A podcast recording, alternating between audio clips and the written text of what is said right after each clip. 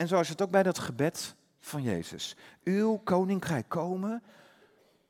Heer, wilt u het doen nu al hier en nu in mijn leven van vandaag? En dan hoor ik God zeggen, ja, ik wil het koninkrijk laten komen in je leven, maar wat is jouw aandeel? Doe je mee? Je luistert naar Wim Grandia, die tijdens Eva's Vriendinnenweekend 2017 sprak over uw koninkrijk komen. Goedemorgen allemaal. Ik moet zeggen, ik zit deze maand echt helemaal in de mood, want dit is uh, mijn derde vrouwenconferentie op rij. En op een of andere manier is dit een beetje de rode draad van, uh, van dit jaar voor mij ook. Want ik had in het voorjaar twee vrouwendagen waar ik sprak in Katwijk, vlakbij de boulevard. Twee weken geleden zat ik in een vrouw, op een vrouwenconferentie in Zeeland aan de boulevard van Vlissingen. En nu twee weekenden aan de boulevard van Zandvoort. Het kan niet op. En die combinatie van boulevard en vrouwen, dat vind ik op een of andere manier wel leuk. ja, er is altijd één moment, dat zeg ik ook maar even eerlijk, waarop ik het lastig vind om op een vrouwenconferentie te zijn. Want op een of andere manier zijn een aantal vrouwen op zo'n weekend dan zo brutaal dat ze denken, die mannen zijn hier toch niet, dus ik ga gewoon lekker naar het mannentoilet. en dan sta je daar, weet je, mannen doen het staande. Dan sta je daar te plassen en dan komen er opeens vrouwen binnen. Dat is een beetje, maar oké. Ik vergeef jullie. Goed, Um, het thema van um, dit vriendinnenweekend. Um, dat mooie gebed van Jezus, uw koninkrijk komen. Uh, Jonathan, zou je misschien even mijn afstandsbediening van de PowerPoint willen geven? Dankjewel. Ik denk opeens, ik mis toch wat. Dat mooie gebed van Jezus, uw koninkrijk komen. En dat is ook het thema voor deze morgen. En we hebben net dat, dat gebed al gezongen, dat dat blijft indrukwekkend om dat zo met elkaar te zingen. Het gebed dat Jezus ons geleerd heeft. Onze Vader, die in de hemelen zijt, uw naam worden geheiligd, uw koninkrijk komen, u wil geschieden, zoals in de hemel, zo ook op de aarde. Het is, het is maar zo'n klein zinnetje.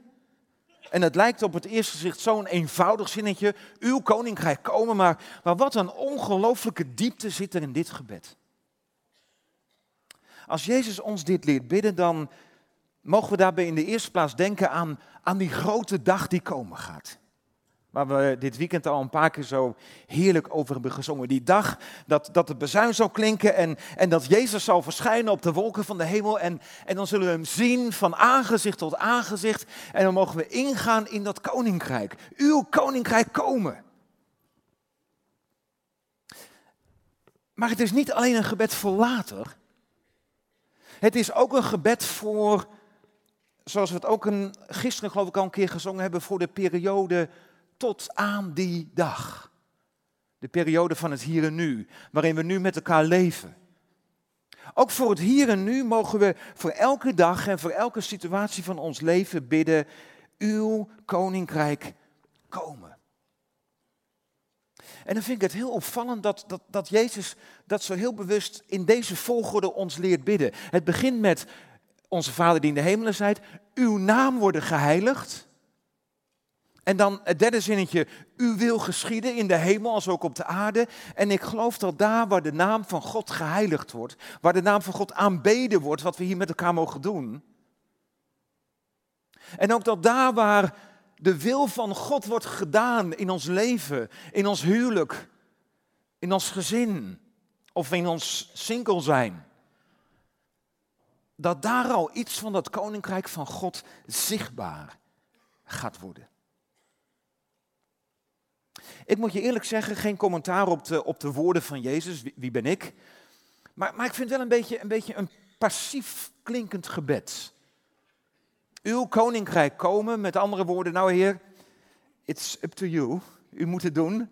En wij wachten ondertussen rustig af. Stil maar, wacht maar. Op een dag, alles wordt nieuw. De hemel en de aarde.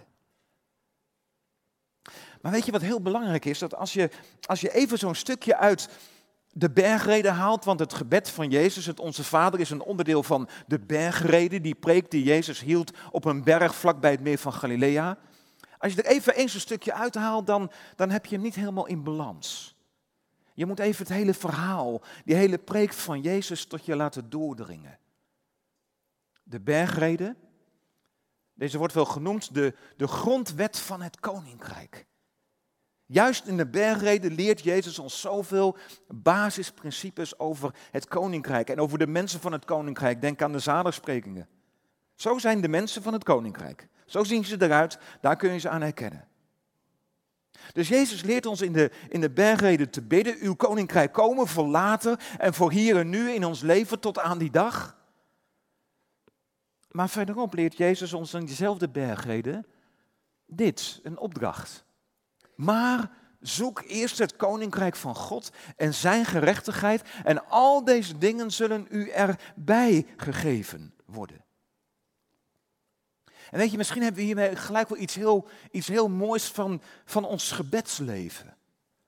De gebeden die wij tot God zenden, die wij naar God toe uitspreken. Weet je dat God in alles wat we Hem vragen, altijd gelijk iets teruglegt bij ons? Mag ik het zo zeggen? Als wij God bidden om bepaalde dingen, dan wil God ons zo graag ook inschakelen bij de verhoring van onze eigen gebeden. Een paar voorbeelden. Bijvoorbeeld, ik, ik, ik vond dat verhaal gisteren van Jonathan over zijn buurman, vond ik een geweldig verhaal. Ik zag dat helemaal voor me. Stel je bid op een dag, Heer, ik zou zo graag willen dat mijn buurman tot geloof gaat komen. Wilt u hem tot geloof brengen? Dan, dan hoor ik God als het ware zeggen, ja, dat wil ik heel graag. Goed idee. En weet je, jij mag mijn getuige zijn. Ga je gang. Oh. Of, uh, heer, wilt u zijn met die arme mensen in, in Colombia, waar we net dat filmpje van gezien hebben? Dan hoor ik de Heer zeggen, ja, natuurlijk wil ik met die arme mensen in Colombia zijn. Pak even je machtigingskaart, kun je meedoen. Dat had ik eigenlijk voor de collecte moeten zeggen. Hè? Of, of, of deze Heer, wilt u me helpen om, om dat, dat mijn huwelijk, dat, dat niet zo goed gaat? Wilt, u me helpen dat, dat het huwelijk beter wordt? Wilt u, wilt u ons samen zegenen? En, en dan hoor ik God zeggen, ja natuurlijk. Natuurlijk wil ik jouw huwelijk herstellen. Wat wordt jouw aandeel? En, en, en, en niet dat God flauw doet, zo van, oké, bid jij, maar ik leg het gelijk bij je terug. Nee, God wil ons inschakelen bij de verhoring van onze eigen gebeden. En zo is het ook bij dat gebed van Jezus. Uw koninkrijk komen. Heer, wilt u het doen nu al, hier en nu in mijn leven van vandaag? En dan hoor ik God zeggen, ja, ik wil het koninkrijk laten komen in je leven, maar wat is jouw aandeel? Doe je mee? En dat begint met, aan de ene kant het misschien wat passieve gebed, Heer, uw koninkrijk komen. En aan de andere kant die hele actieve opdracht van Jezus, maar zoek eerst zijn koninkrijk. We hebben de afgelopen twee dagen al heel veel gehoord over het koninkrijk. En ik kan me nu voorstellen dat je aan het eind van zo'n weekend denkt van, nou, ik ga nu naar huis en ik weet alles over het koninkrijk. Nou, om je gelijk weer even een beetje terug te brengen naar hoe het echt is. Jezus die trok drie jaar lang met zijn discipelen op en drie jaar lang sprak hij met hen over het koninkrijk. En dat dat is opgestaan, lezen we in Handelingen 1, vers 3, dat hij na zijn opstanding nog 40 dagen regelmatig verscheen aan zijn discipelen. En wat lezen we dan? Waar hadden ze het over? Over het koninkrijk. Dus je hebt niet de illusie dat wij nu in twee dagen tijd even drie jaar onderwijs plus een extraatje van 40 dagen even in twee dagen allemaal bij elkaar kunnen brengen. Daar is zoveel over te leren. De Bijbel is het boek van de openbaring van Gods koninkrijk. Daar heb je minstens drie jaar en 40 dagen voor nodig. Dus we hebben dit, dit weekend een soort tipje van de sluier opgelicht gekregen. En ik moet zeggen, ik heb er wel uitermate van genoten. Ik, ik heb het voor mezelf weer ervaren als een, als een aanmoediging, als een nieuwe bewustwording van, wauw, ik ben dus iemand van het koninkrijk. En, en het vervulde mijn hart met trots en met aanbidding. We zijn niet zomaar mensen, wij zijn mensen, wij zijn koningskinderen, wij horen bij het koninkrijk van God. En we mogen wel u tegen elkaar gaan zeggen. Koningskinderen. Of zoals het vroeger bij de EO heette met Ben Ketting, prinsen en prinsessen. Weet jullie dat leuk? Toen wij allemaal nog klein waren, weet je wel? Dat is voor mij iets langer geleden, maar we zijn prinsen en prinsessen. Heerlijk om dat dit weekend ook weer zo te mogen beseffen. We hebben het elke keer over het koninkrijk van God, maar uh, in de Bijbel worden er verschillende termen gebruikt. Bijvoorbeeld ook over het koninkrijk der hemelen. Dat wordt vooral gebruikt door de Joden die het moeilijk vinden om de naam van Yahweh uit te spreken. En daarom zeggen ze het koninkrijk der hemelen. Op andere plekken lezen we over het koninkrijk van Christus. Uh, en zo worden er verschillende uitdrukkingen gebruikt, maar, maar welke uitdrukking ook wordt gebruikt, het gaat telkens over datzelfde koninkrijk. En wat is het heerlijk om te mogen weten dat we uit het geloof mogen leven, dat wij inderdaad deel uit mogen maken van dat koninkrijk. Dat wij overgeplaatst zijn van, een, van het ene koninkrijk naar, nu naar het koninkrijk van God.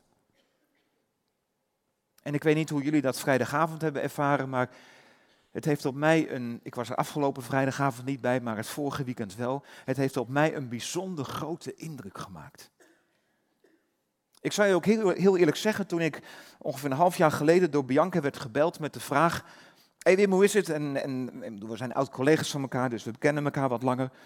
Uh, zou je weer eens op een Eva Vriendinnenweekend willen spreken? Ik zei gelijk, ja.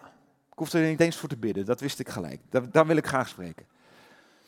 En, en het gesprek ging verder en toen, toen zei ze van, ja, en we hebben ook al een beetje nagedacht over waar we het ongeveer over gaan hebben. En we willen iets gaan doen met dat verhaal van C.S. Lewis van, van Narnia. Oh.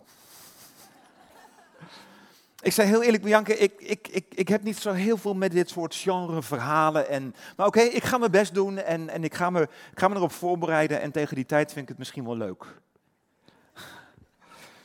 Nou, vorige week vrijdagavond, toen ik hier zat, heb ik in die zin wel een soort van, van ja, een soort opnieuw een bekering meegemaakt of zo. Want ik, ik was diep onder de indruk. Zeker ook door de manier waarop het werd, werd neergezet. De, de verteller, Gert, mijn goede vriend, en, en, en, de muziek op het podium en de beelden en de verhaallijn. En ah, wat een mooie metafoor van dat wat in mijn, in ons leven heeft plaatsgevonden. En toen kwam ik deze tekst tegen, waarin dat zo mooi onder woorden wordt gebracht. Hij heeft ons gered uit de macht van de duisternis, uit de macht van de heks, van Jadis. En, ons heeft, en heeft ons overgebracht naar het rijk van zijn geliefde zoon, de leeuw Aslan, die ons de verlossing heeft gebracht, de vergeving van onze zonde. Ik, ik was vrijdagavond opnieuw weer zo diep in aanbidding. Denk, dit is het grote wonder van Gods genade. Dat hij ons vanuit het ene rijk heeft overgeplaatst naar het rijk van de zoon van zijn geliefde. Of naar het rijk van zijn geliefde zoon. Als mensen aan mij vragen, als je bijvoorbeeld in het buitenland bent, van, vanuit welk land kom je? Vanuit welk koninkrijk kom jij? Dan zeg ik, ja, ik kom van het koninkrijk der Nederlanden. Nou, dat is verder niet zo bijzonder, daar kijken ze meestal niet van op. Maar, maar eigenlijk, hè, als mensen aan jou vragen van, van welk koninkrijk ben je, dan, dan, dan mag je na vandaag zeggen, nou ik, ik ben van het koninkrijk van, van de geliefde zoon. Laat dat eens even zakken.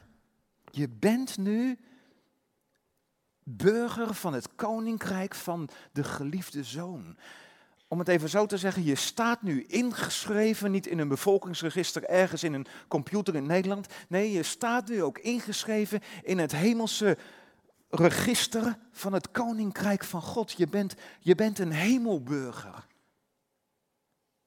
Zo lezen we dat in Filippenzen 3, vers 20. Maar we hebben ons burgerrecht, je bent daar ingeschreven, we hebben ons burgerrecht in de hemel. En vandaar verwachten wij onze redder, de Heer Jezus Christus. Om het zo te zeggen, wij zijn hier vanmorgen bij elkaar als hemelburgers. Mannen en vrouwen van het koninkrijk, dat zijn hemelburgers. En hoe noemen we dan de mensen die niet bij dat koninkrijk van God behoren? Wat zijn dat dan? Dat zijn hamburgers. Ja. Er zijn eigenlijk maar twee soorten mensen. Je, je, je hebt hemelburgers en je hebt, je hebt hamburgers. En vorige week na afloop vroeg iemand aan mij, wat is daar dan de diepere laag van? nou, hamburgers als van het vlees en wij zijn van de geest, zo ongeveer. maar verder zit er geen bijbelse betekenis in. We, zijn dus, we zijn dus nu van het hemelse koninkrijk en daar vandaan verwachten wij onze redder, de Heer Jezus Christus. En op een dag zal dat echt gaan gebeuren. En, en ik kan me voorstellen dat je daar niet elke dag even bewust mee bezig bent, maar op een dag zal dat echt gebeuren dat onze redder, de Heer Jezus Christus, komt en, en dat, we, dat we welkom worden geheten in zijn koninkrijk. In Matthäus 25 geeft Jezus heel mooi hoe dit dan zal gaan. We komen dan voor zijn troon te staan. En, en, en, sluit bij wijze van spreken, als het, als, het, als het je helpt, even je ogen. Je komt dan voor zijn troon te staan. Je kijkt hem aan en hij kijkt jou aan en hij weet precies wie je bent. En weet je wat dan zijn eerste woorden zullen zijn? Gezegende van mijn vader, je mag het koninkrijk nu in ontvangst nemen. Welkom in het koninkrijk van God. Alleen nadat dat Jezus dat tegen ons zegt, dat wij gezegende van de Vader zijn. Zo, zo kijkt hij naar ons. En het is heel mooi als we dan, als we dan dat koninkrijk mogen binnengaan, dan, dan zal het net een beetje zijn als op een Eva-vriendinnenweekend. Want, want, wat mij altijd opvalt van Eva is, als je komt, dan krijg je altijd gelijk een, een welkomstgeschenk. Jullie hadden allemaal geloof ik het op je kamer staan en zo, allemaal van die leuke dingetjes. Dat is typisch vrouwenconferentie. Bij mannenconferenties gaat het veel zakelijker en zo. Dan krijg je dat soort leuke dingen allemaal niet. Maar, maar, maar daar zijn ze bij even goed in. Maar weet je wat zo mooi is? Op het moment dat we dan bij Jezus zullen zijn, dat we welkom geheten worden om het koninkrijk van God binnen te gaan, dan heeft Jezus ook voor ons een welkomstgeschenk. Lees maar mee. Wie overwint zal ik van het verborgen manna geven. En ook een wit steentje waarop een nieuwe naam staat die niemand kent behalve degene die het ontvangt. Dus je komt daar straks binnen bij Jezus, je staat er voor zijn troon, hij noemt je bij je naam, je bent de gezegende van de Vader, je bent welkom in het koninkrijk. En, en nou, dat verborgen mannen, dat is een heel verhaal, dat komt een andere keer misschien wel. Maar dan, dan staat Jezus op, hij loopt naar je toe en, en zijn welkomstgeschenk voor het koninkrijk van God is een wit steentje. En nu nog niet, dit is een blanco steentje, maar op die dag dan zal, dan zal er een nieuwe naam opgeschreven staan, speciaal voor jou, een naam die nu nog verder niemand weet. Dus het welkomstgeschenk voor het koninkrijk van God zijn witte steentjes voor de mannen en vrouwen van het koninkrijk. Dan kan ik me voorstellen dat je denkt van ja, en wat, wat, wat betekent dat? Zo bijzonder is dat niet. Nou moet je even weten, in die tijd, in de Romeinse rechtspraak, als je voor de rechter stond en je werd vrijgesproken, weet je wat je dan meekreeg als een bewijs van jouw vrijspraak? Inderdaad, een wit steentje. Als je werd veroordeeld, kreeg je een zwart steentje. Als je werd vrijgesproken, kreeg je een wit steentje. Dus het is een teken, een bewijs van jouw vrijspraak. En dat niet alleen in die tijd werd zo'n wit steentje ook gebruikt als een soort toegangsbewijs. Je had, je had een uitnodiging gekregen voor een groot feest en dan stond je bij de poort van het, van het paleis en dan moest je aantonen dat je, dat je echt was uitgenodigd en dan liet je een wit steentje zien. Dat was jouw toegangsbewijs. Dus het eerste wat Jezus jou als welkomstgeschenk aanbiedt als je in het koninkrijk binnenkomt, jouw bewijs van vrijspraak. Wauw. En het is je toegangsbewijs om dat koninkrijk van God binnen te wandelen of misschien wel binnen te huppelen en dat heerlijke te gaan beleven. En waarom dan een nieuwe naam? Nou, dan begint een nieuwe hemel en een nieuwe aarde. Alles wordt nieuw. We krijgen een nieuwe positie, een heel nieuw leven. We krijgen een nieuw lichaam.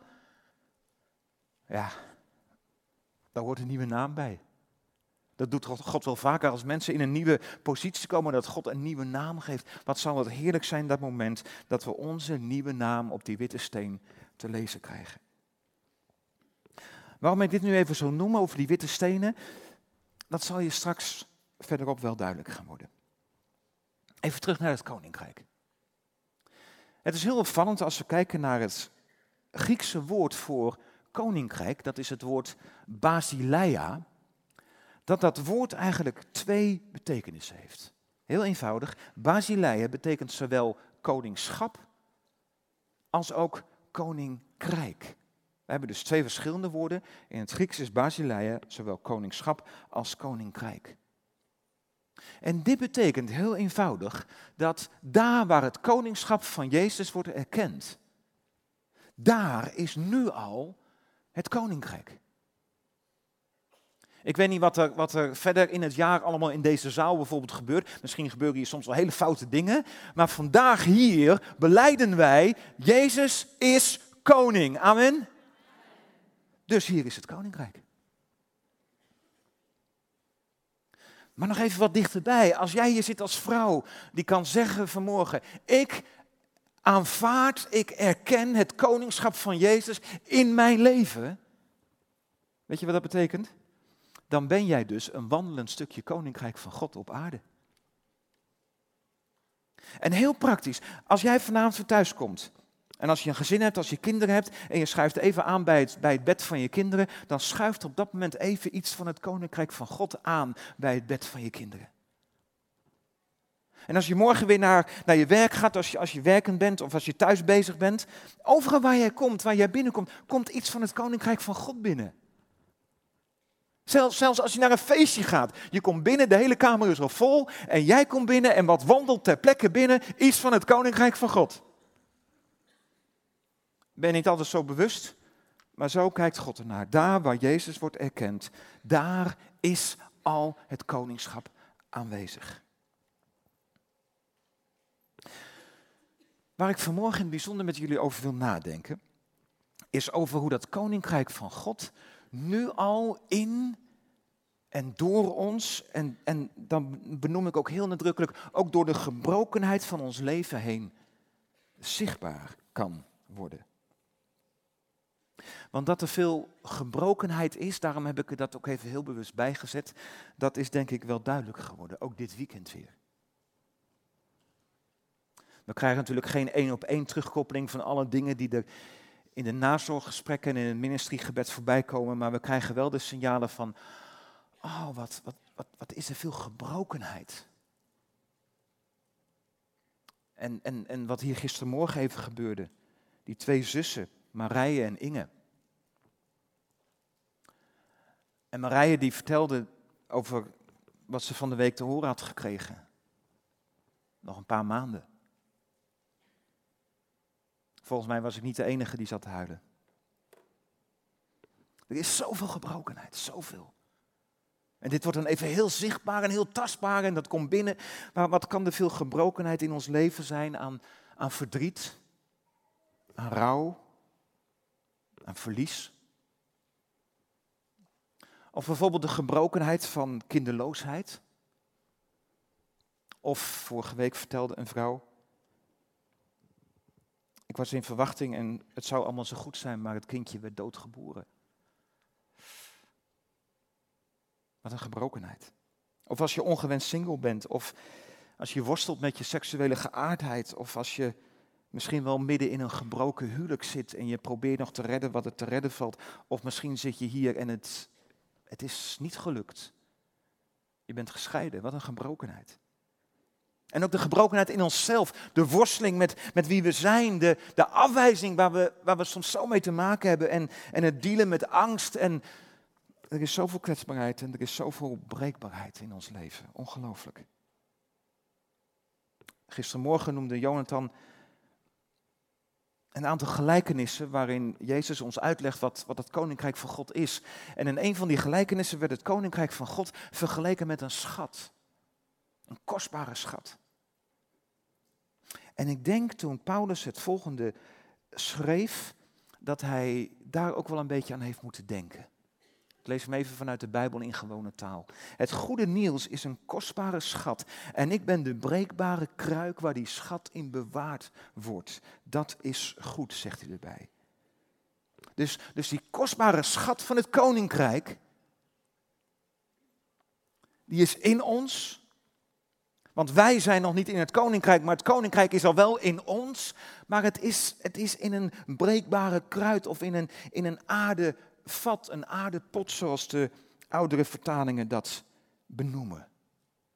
Maar weet je wat zo mooi is? Dat juist door de breekbaarheid van ons leven als aardepot, dat juist daardoorheen het licht van Gods koninkrijk zo bijzonder kan stralen. Op een of andere manier heeft God dat zo bedacht. Schrokken jullie gistermorgen ook zo van dat moment dat Jonathan die spiegel pakt, pakte? En, en natuurlijk, je voelde misschien al een beetje aankomen, maar toch, hij deed het zo snel. Voor zover we nog niet wakker waren, waren we ook wel gelijk helemaal wakker. Maar, maar, ik weet niet wat dat met jou deed, maar dat was voor mij het tweede moment gistermorgen. Dat, dat ik zo geraakt werd, die knal van, van die spiegel en al die, die gebroken stukjes van de spiegel. En, en ik voelde als het ware even, gewoon even mijn eigen pijn, mijn eigen scherpe spiegelstukjes in mijn leven. Want dat is misschien wel een beetje het risico van als je zo vaak op een podium te vinden bent, dat, dat, dat dan soms gedacht wordt van nou die man die leeft vast wel zo dicht bij God en die heeft altijd zoveel antwoorden op al die moeilijke vragen. Uh, hij zal het allemaal wel weten en zo. Hier staat ook een gebroken man voor jullie. Ook een man die worstelt met, met gebroken spiegelstukjes, die soms zo scherp zijn en zo, soms ook wonden kunnen veroorzaken. Ja, ik, ik weet waar ik het over heb. Je wil niet weten, ik woon hier vlakbij in Nieuw-Vennep. En ik ben iemand die van wandelen houdt, wandelen met God, maar ook gewoon letterlijk wandelen door de, door de duinen. Je wil niet weten hoe vaak ik hier door de duinen loop te wandelen, maar ook regelmatig loop te worstelen met God. En soms loop te huilen. Sorry, ook mannen huilen soms gewoon. Ik werd een tijdje geleden zo bemoedigd door, door wat een kunstenaar heeft bedacht. Een kunstenaar die, die was misschien ook wel bij een lezing van Jonathan geweest en die dacht, we, moeten toch iets doen met al die gebroken spiegelstukjes. En moest kijken wat hij gedaan heeft. Die heeft van gebroken spiegelstukjes een kunstwerk gemaakt. Ik geloof de dag die gaat komen dat Jezus terugkomt, dan, dan zullen alle scherven verleden tijd zijn. Dan worden we weer nieuwe spiegels, volmaakt, spiegels die nooit meer zullen breken. Maar tot aan die dag wil God met al die scherven van ons leven, wil Hij uiteindelijk van ons leven een stralend kunstwerk maken. En ik bedoel dat niet om, om de pijn weg te moffelen. Nee, die pijn is er en God kent die pijn. Maar God wil juist door de gebrokenheid van ons leven, wil die iets moois maken. Hoe kan nou het koninkrijk van God zichtbaar worden in ons leven en door ons leven heen? Ik wil je vanmorgen vier kenmerken noemen van het koninkrijk van God. Uh, er zijn veel meer kenmerken te noemen, maar vier die heel uh, expliciet zo worden genoemd in de Bijbel. En het eerste, de eerste tekst die ik daarover wil lezen is uit Romeinen 14, vers 17. Romeinen 14 is een gedeelte waarin het gaat over wat je als christen nou wel of niet mag eten en drinken. Daar was daar een hele discussie over ontstaan. En Paulus gaat er op zich wel even op in, maar op een gegeven moment heeft hij zoiets van, jongens, waar gaat het over? Want het koninkrijk van God, dat is niet een koninkrijk waarin het gaat om eten en drinken. Nee, het koninkrijk van God is een zaak van gerechtigheid, van vrede en vreugde door de Heilige Geest. Dus hier zien we drie kenmerken: gerechtigheid, vrede en vreugde. En de vierde ga ik je ook gelijk noemen. Dat is uit 1 Corinthians 4, vers 20, waar Paulus schrijft: Want het koninkrijk van God bestaat niet uit eten en niet drinken, maar ook niet uit woorden, maar uit kracht. Dus vier kenmerken: gerechtigheid, vrede, vreugde en kracht. En ik geloof dat daar waar wij Jezus, het koningschap van Jezus erkennen, daar zijn wij al een wandelend stukje koninkrijk. En daar mogen deze vier kenmerken al in ons leven en door ons leven heen zichtbaar worden.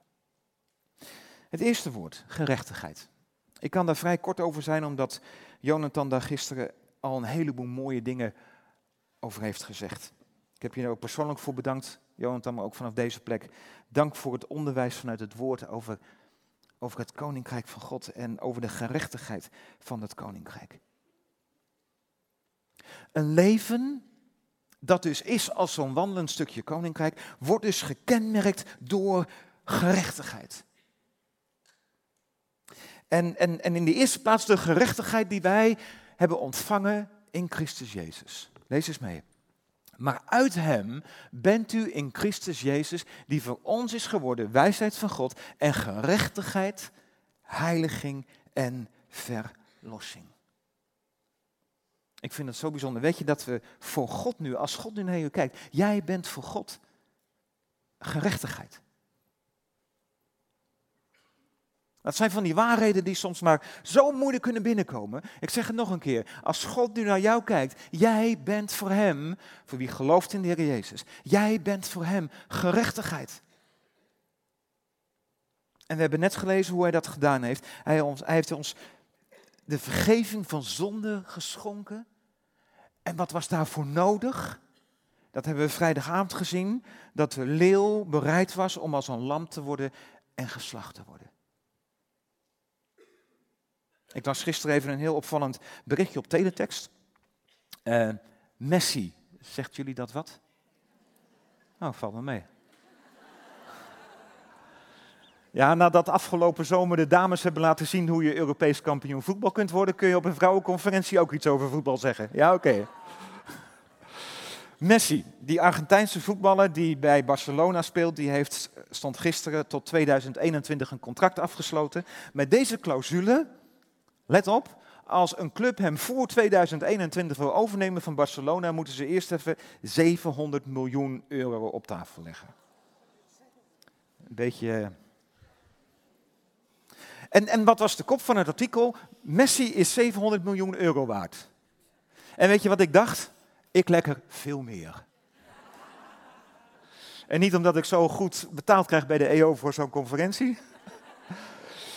Weet je, als het gaat over dat we gerechtigheid hebben ontvangen in Christus, dat, dat we vergeving hebben ontvangen, Weet je welke prijs daarvoor betaald is? Petrus zegt, we zijn gekocht en betaald, niet met vergankelijk goud of zilver. 700 miljoen zou niet genoeg zijn geweest om ons vrij te kopen uit het rijk van de duisternis. Nee, we zijn gekocht en betaald met het bloed van Jezus. Weet je dat de waarde van een product altijd wordt bepaald door de prijs die ervoor wordt betaald? Als je wilt weten, en soms twijfelen we daar wel eens aan, als je wilt weten hoeveel je waard bent, moet je maar gewoon even denken hoeveel er voor jou betaald is.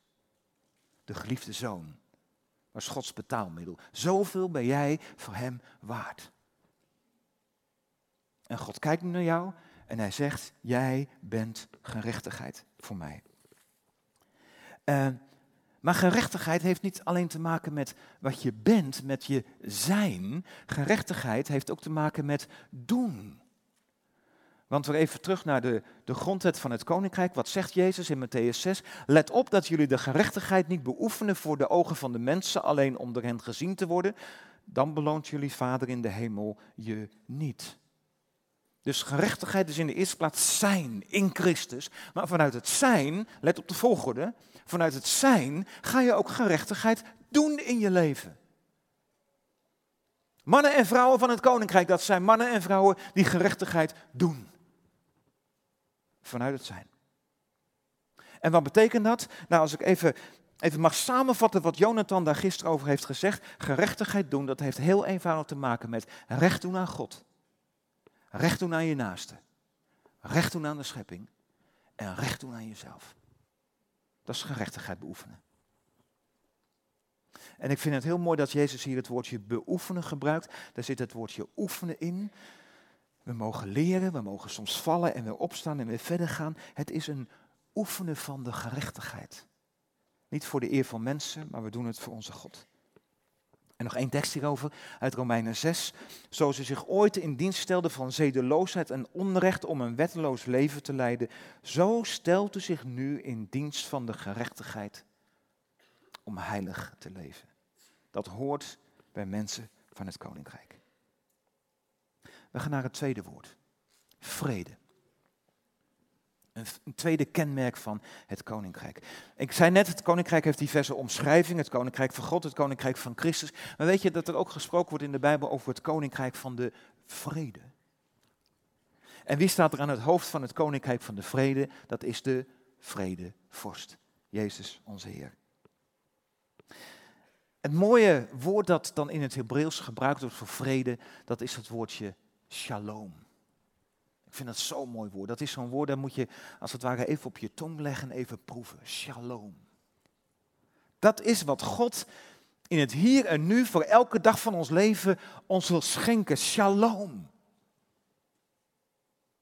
En ik denk dat we inmiddels allemaal wel weten dat shalom veel meer is dan, dan alleen maar de afwezigheid van oorlog. Ja, dat zal gebeuren op die dag dat Jezus terugkomt. Dan zullen de zwaarden worden omgesmeed tot, tot ploegscharen en, en dat soort mooie dingen allemaal. Dan zullen de leeuw en het lam tezamen weiden. Dat komt. Maar God wil nu al shalom in ons leven geven. Shalom, dat betekent ook iets als gaaf. Heeft te maken met heelheid, met herstel met rust, met veiligheid. Weet je, we leven inderdaad nog in Narnia, waar het kwaad nog steeds aanwezig is, waar het kwaad om ons heen is, waarin het kwaad soms zo ook bijna tastbaar, bijna aanwijsbaar is.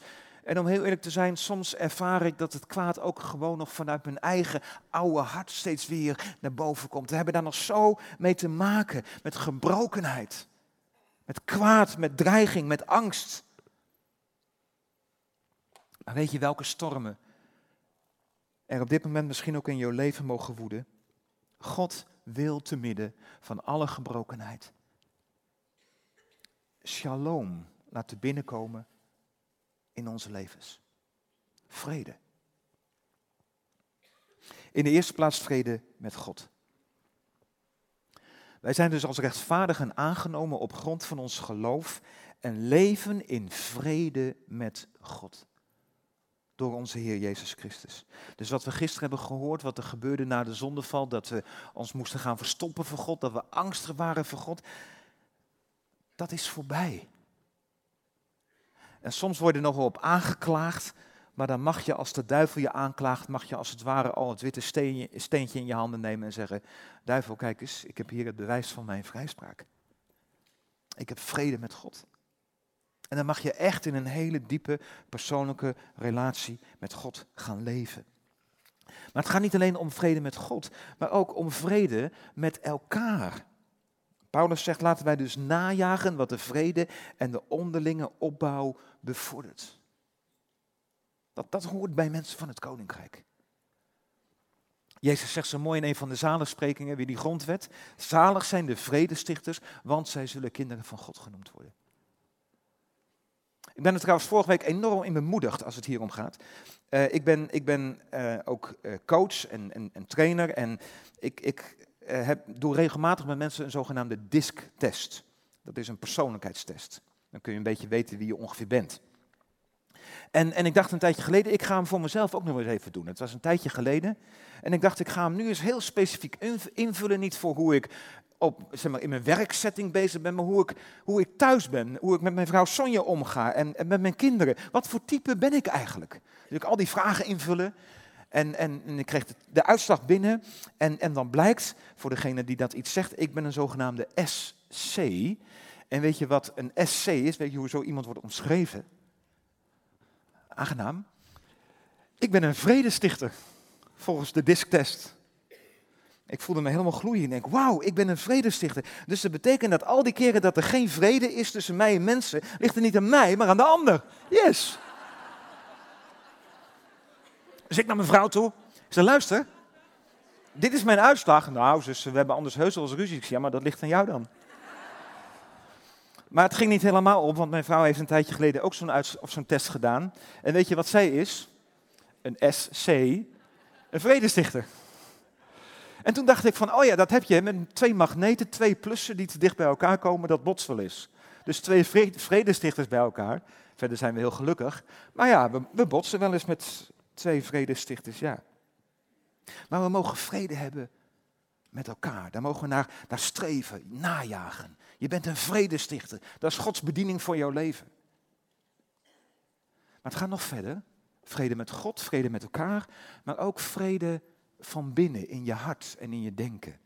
Wees over niets bezorgd, zegt Paulus, maar vraag God wat u nodig hebt en dank Hem in al uw gebeden.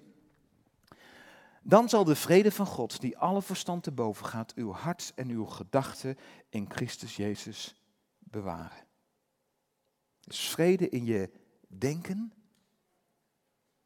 en vrede in je hart, in je emoties. Dat is wat God ons nu al wil geven.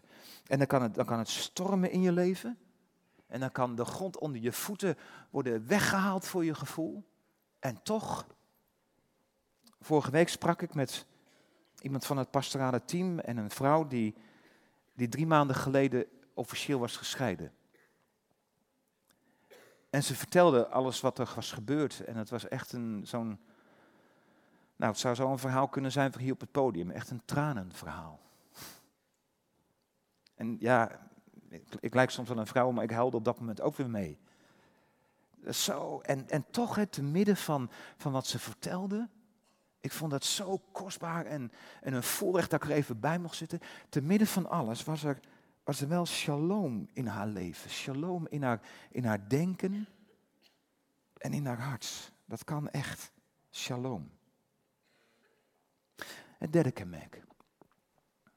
Vreugde. We lezen door de hele Bijbel heen over, over vreugde, over blijdschap en de opdrachten om ons uh, te verblijden. Wederom zeg ik u, verblijd u ten alle tijden van die teksten waarvan je denkt wel eens van, Paulus, had je niet even een beetje eh, rustiger aan kunnen doen? Nee, verblijd u ten alle tijden. Weet je, er, zijn, er zijn zoveel teksten over, over vreugde, maar mag ik er een paar noemen? Deze. David, die, die in zijn leven ook wist wat gebrokenheid was. David die schrijft in Psalm 34, wie naar hem opzien, stralen van vreugde, schaamte zal hun gezicht niet kleuren. Dus, dus als je naar God opziet, naar Hem kijkt, dan gaat je gezicht stralen. Een, een, een beetje, ik, ik sta al in het licht, maar als ik nu even heel bewust zo in, in deze spot ga staan, dan, dan straalt dat licht van boven op mijn gezicht en dan, dan straalt mijn gezicht van dat licht. Twee weken geleden kwam ik in de samenkomst in de gemeente waar ik voorganger ben. En ik kwam daar een vrouw tegen die een tijdje geleden te had gekregen dat ze borstkanker had. Ze zit nu midden in de chemokuren. En ik ging naar haar toe, ik zeg, hoe gaat het met je? Ja, ze zegt, het gaat goed. Ik zeg, dat hoef ik eigenlijk niet te vragen, ik zie het aan je. Ze liep te stralen. En niet omdat het allemaal zo windje mee was in haar leven. Nee, ze straalde omdat deze vrouw ook het geheim had ontdekt wat het is om naar God op te zien. Dan ga je stralen van vreugde. En, en dan niet een klein beetje, een andere uitspraak van David. Overvloed van vreugde is bij uw aangezicht. Liefelijkheid is in uw rechterhand voor eeuwig. Kijk eens een mooi plaatje. God is mijn, onze vreugde. Ik vind het zo mooi wat Jezus zegt bij het afscheid van zijn discipelen, de dag, de avond voordat hij zou worden overgeleverd. Dan zegt hij tegen zijn discipelen, dit zeg ik tegen jullie om je mijn vreugde te geven. Dan zal je vreugde volkomen zijn. En Petrus schrijft er later over, zonder hem nu te zien. We zien Jezus nog niet met onze ogen. We zien hem in geloof. Maar zonder hem nu te zien, gelooft u in hem en ervaart u een onuitsprekelijke hemelse vreugde. Ja, maar oh, wacht even. Oké, het staat allemaal in de Bijbel, maar, maar Wim, nu word je toch wel echt zo'n zo'n standaard evangelische voorganger van het blij, blij, mijn hartje is altijd blij. Um, het is altijd wat link om commentaar te leveren op zo'n zeer gewaardeerde uh, liederenbundel, de, de opwekkingsbundel. De meeste liederen zing ik ook van harte mee. Maar er staat in de opwekkingsbundel een, een, liedje, helemaal aan het begin, misschien staat het is er inmiddels al uitgehaald, nummer 5, een kinderliedje. Als ik dat liedje lees of vroeger mee moest zingen, dan kreeg ik altijd ergens heel diep van binnen ongelooflijke jeuk. Dat liedje gaat als volgt. Als Jezus in je woont, ebt iedere wanklank weg.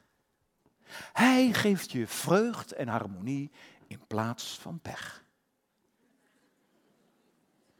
Nou, ik weet niet van welke planeet deze schrijver komt. Wat ik wel ervaar, hij geeft je vreugde en harmonie, hij geeft je vreugde en, uh, en, en vrede in de pech. Ja, dat wel. Maar Jezus is er heel eerlijk over geweest naar zijn discipelen. In de wereld zullen jullie verdrukking lijden. En je zult het koninkrijk van God binnengaan, maar dat gaat wel door vele verdrukkingen heen.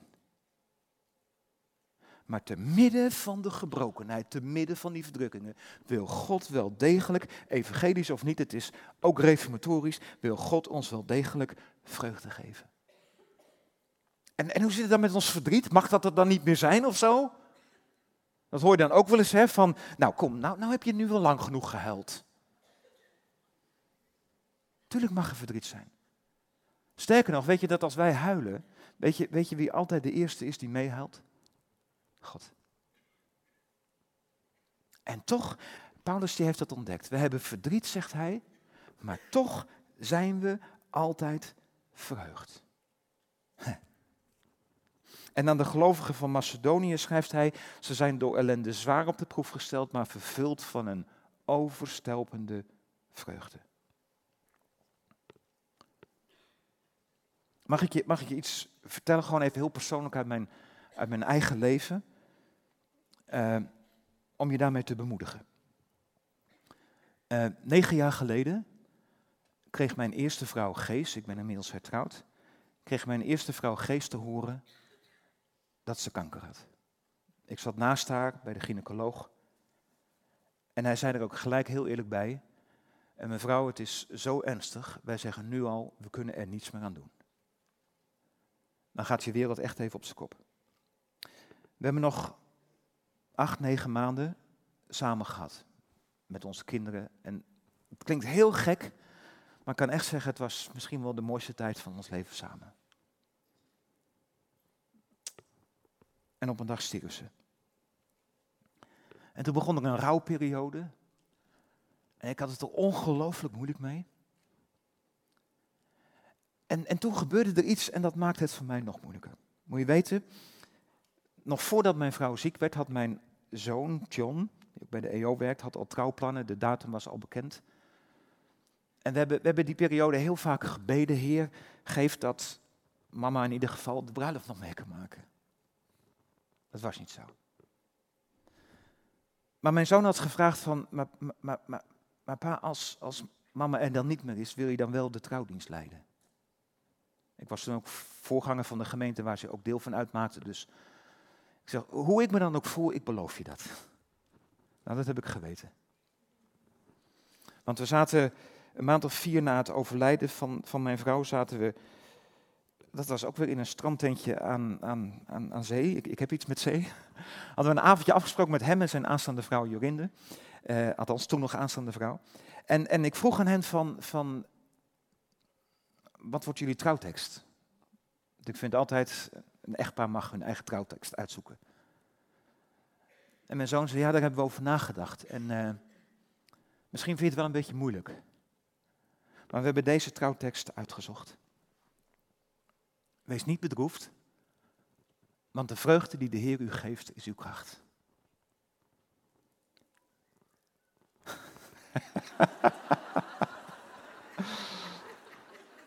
Wat een timing.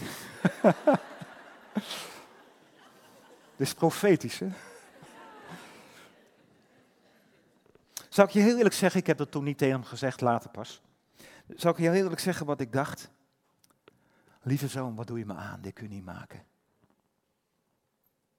Moet ik nu, ik verdronk bijna in mijn verdriet, moet ik nu gaan spreken over de vreugde van de Heer die uw kracht is?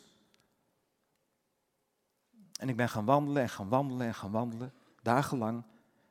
Ik liep door de modder, ik reeg in de nat, het kon me allemaal niks schelen. En ik heb geworsteld met God en zei, Heer, wat maakt u me nou? Wat, wat moet ik hiermee? En ik ervaar helemaal geen vreugde. Ik heb alleen maar verdriet en ik wil eigenlijk alleen maar naar de hemel. En om heel eerlijk te zijn wilde ik in die periode eerder naar de hemel om mijn vrouw weer te zien dan om Jezus te zien. Dat is inmiddels weer een beetje in balans gekomen. En, en ik huilde en, en, en ergens, misschien was het, nou ik weet eigenlijk wel zeker iets van de Heilige Geest, dat er iets in mijn gedachten werd gebracht, een, een tekst. Dat is het voordeel als je wat vaker in je Bijbel zit te lezen, dan kunnen teksten soms zomaar weer omhoog komen. Hè? En ik dacht van, er staat toch ergens in de Bijbel iets over, over vreugdeolie.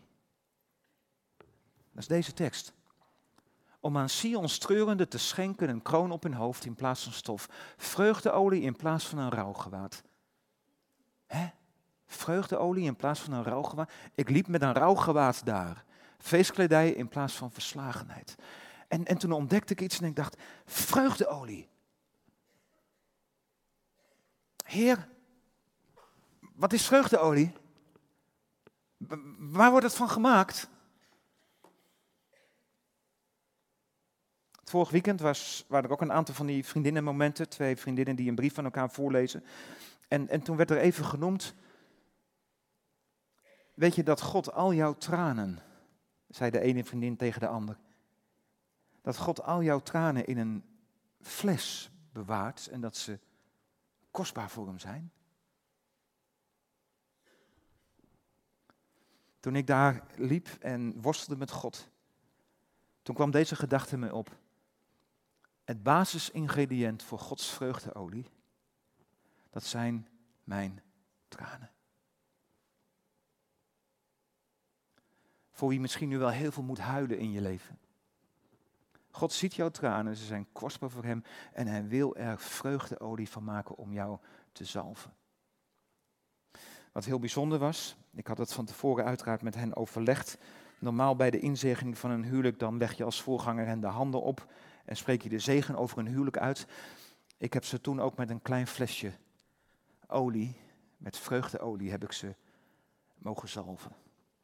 Dat was misschien wel het meest heilige moment van de hele trouwdienst. En zo wil God ons elke dag, in welke situatie jij nu ook zit. Hij wil je gewoon nu op dit moment, hij wil je zalven met vreugdeolie. We gaan naar de vierde toe. Dat is het woordje kracht. God wil kracht geven.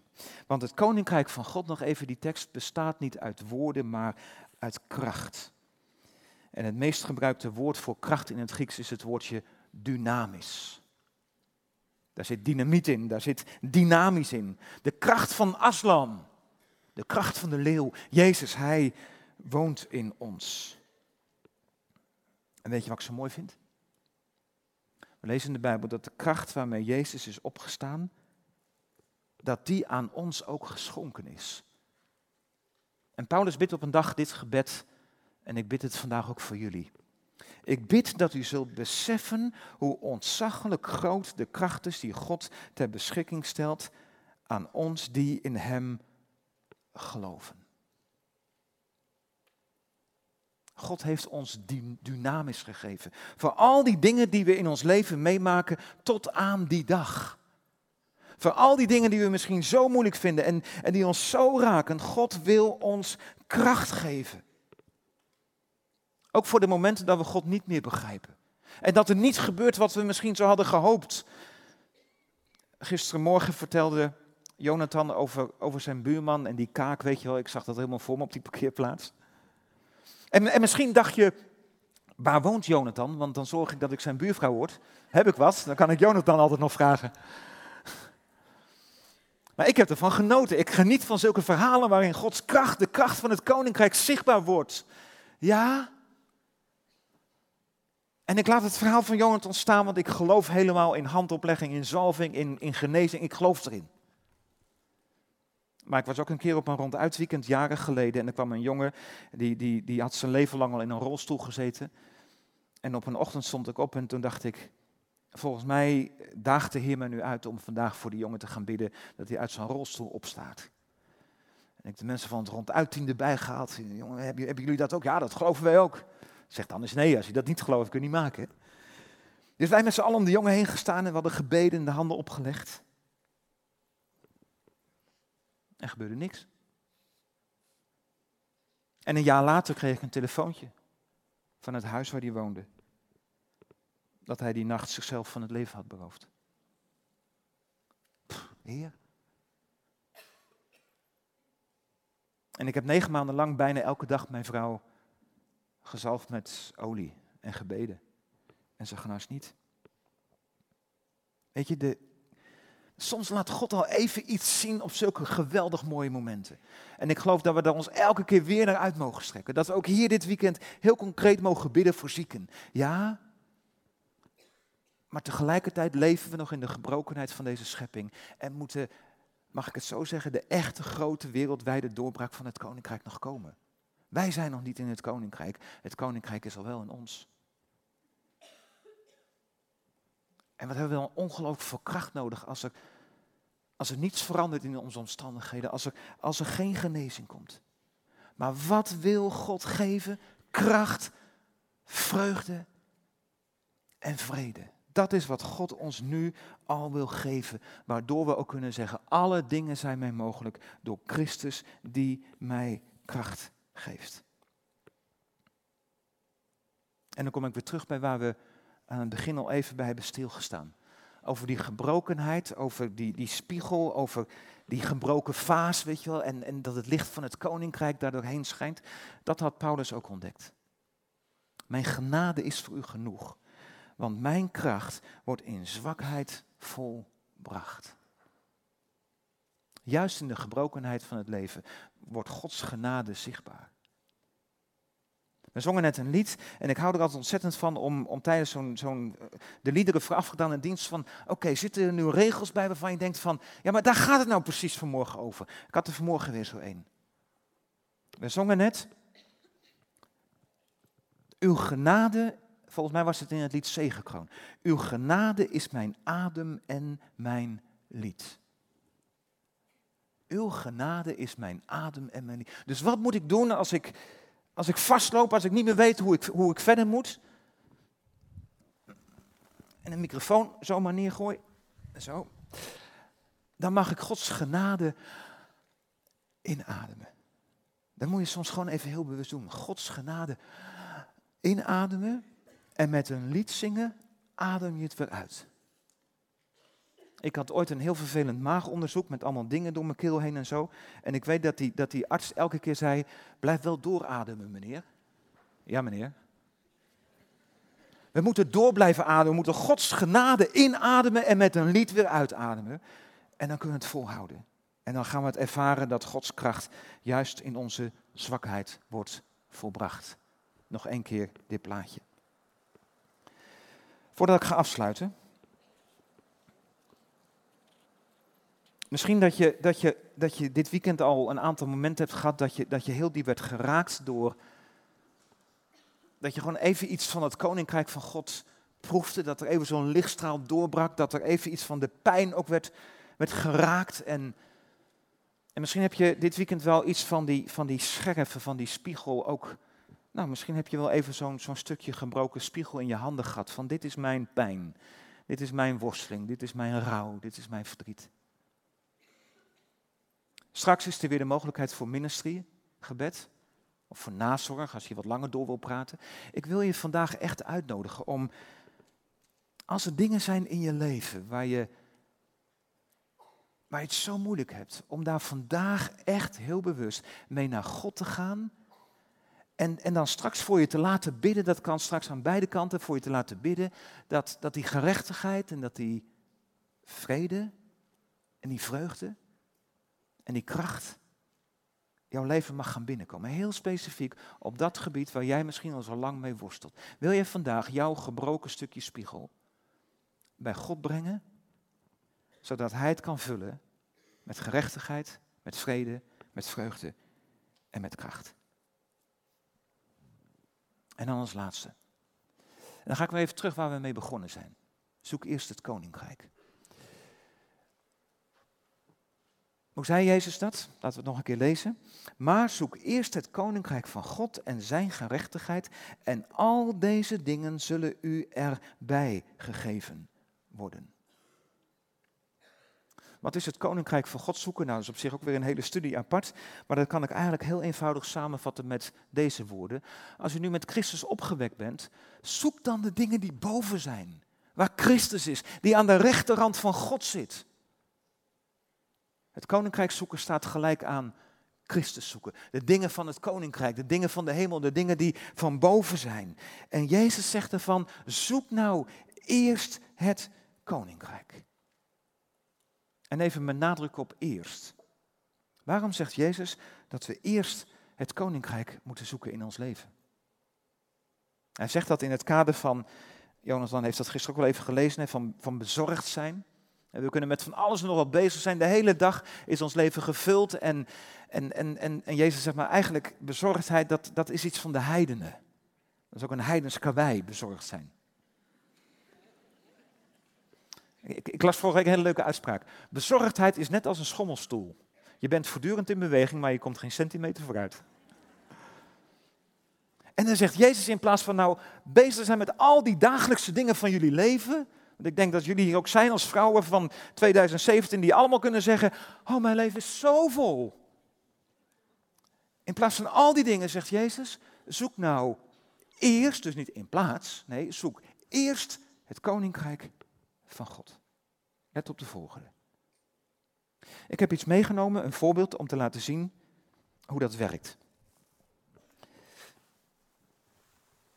Ik moet hem even voorzichtig pakken, want anders breekt hij. Ik heb hier een vaas. En zoals je ziet zit hij al voor een deel vol met zand. Ik weet niet of jullie het achterin helemaal kunnen zien, maar hij zit ongeveer nu tot zover met zand. En dit zand staat voor al die, die, die, die, kleine dingen die op zich wel belangrijk zijn, die gewoon gedaan moeten worden met al die dingen van ons leven. Het bezig zijn met, met je werk, met je kinderen, met je studie, met je verjaardag, met van alles en nog wat. En, en ik weet niet hoe dat jou vergaat, maar, maar ik moet eerlijk zeggen dat het mij regelmatig overkomt. Uh, even kijken, deze zak. Kijk, dat, dat mijn leven, ik ben de hele dag bezig met allemaal dingen. Met allemaal kleine dingen die, die gewoon gedaan moeten worden. En, en in de loop van de dag raakt mijn leven steeds voller en voller en voller. En dan denk ik op een gegeven moment van, oh, en ik moet dit nog doen en ik moet dat nog doen. En ik werk altijd met doellistjes en zo. En ik moet mijn tijd een beetje vol praten, zoals je merkt nu. Want hij moet even helemaal vol worden. Kijk, en dan, oh, ook nog een beetje morsen, dat mag hier. Eh, kijk, nou, eh, zo ziet mijn leven er regelmatig ergens aan het einde van de dag uit. En dan denk ik aan het einde van de dag, oh ja, dat is, dat is waar, het koninkrijk zoeken. Even gauw het koninkrijk zoeken. laten we zeggen, deze stenen staan vandaag model voor het koninkrijk van God. Heer, ik ga nu het koninkrijk zoeken. En ik pak de stenen van het koninkrijk en, oh, mijn leven zit al vol. Er kan nog een heel klein beetje bij, maar mijn leven zit gewoon vol. Er kan niets meer bij. Het zijn geen verkeerde dingen. Mijn leven zit vol met allemaal hele goede, normale, dagelijkse dingen, net als bij jullie. Het gaat om de volgorde. Jezus zegt, zoek eerst het koninkrijk. Ik heb nog een vaas bij me. Zo, die is nog zwaarder. Kijk, die heb ik ook alvast maar even voor een deel gevuld. Blijft dat staan? Ja. Kiept hij niet? Nee. Kijk, deze, zaal, deze fase is al voor een deel gevuld met al die, die dingen van het koninkrijk. Met het God zoeken, met het bezig zijn met de dingen die van boven zijn. Kijk, mijn hele leven, en ik hoop dat het voor jouw leven ook zo geldt, is vol met het zoeken naar het koninkrijk. Maar dan denk je misschien, ja, maar al die gewone dingen moeten er ook gebeuren. Ja, maar moet je eens kijken als je de juiste volgorde hanteert, wat er dan gebeurt. Uh, dan pak ik even deze zak. En ik ga even de zaal, of de vaas even wat naar beneden zetten, want anders gaat het niet goed. Ja, het gaat. Zo. Zien jullie nog? Kijk, dit is de vaas die model staat voor mensen die eerst het koninkrijk zoeken. En moet eens kijken wat er gebeurt. Hoeveel er dan nog? Het is een beetje te vol. Zo.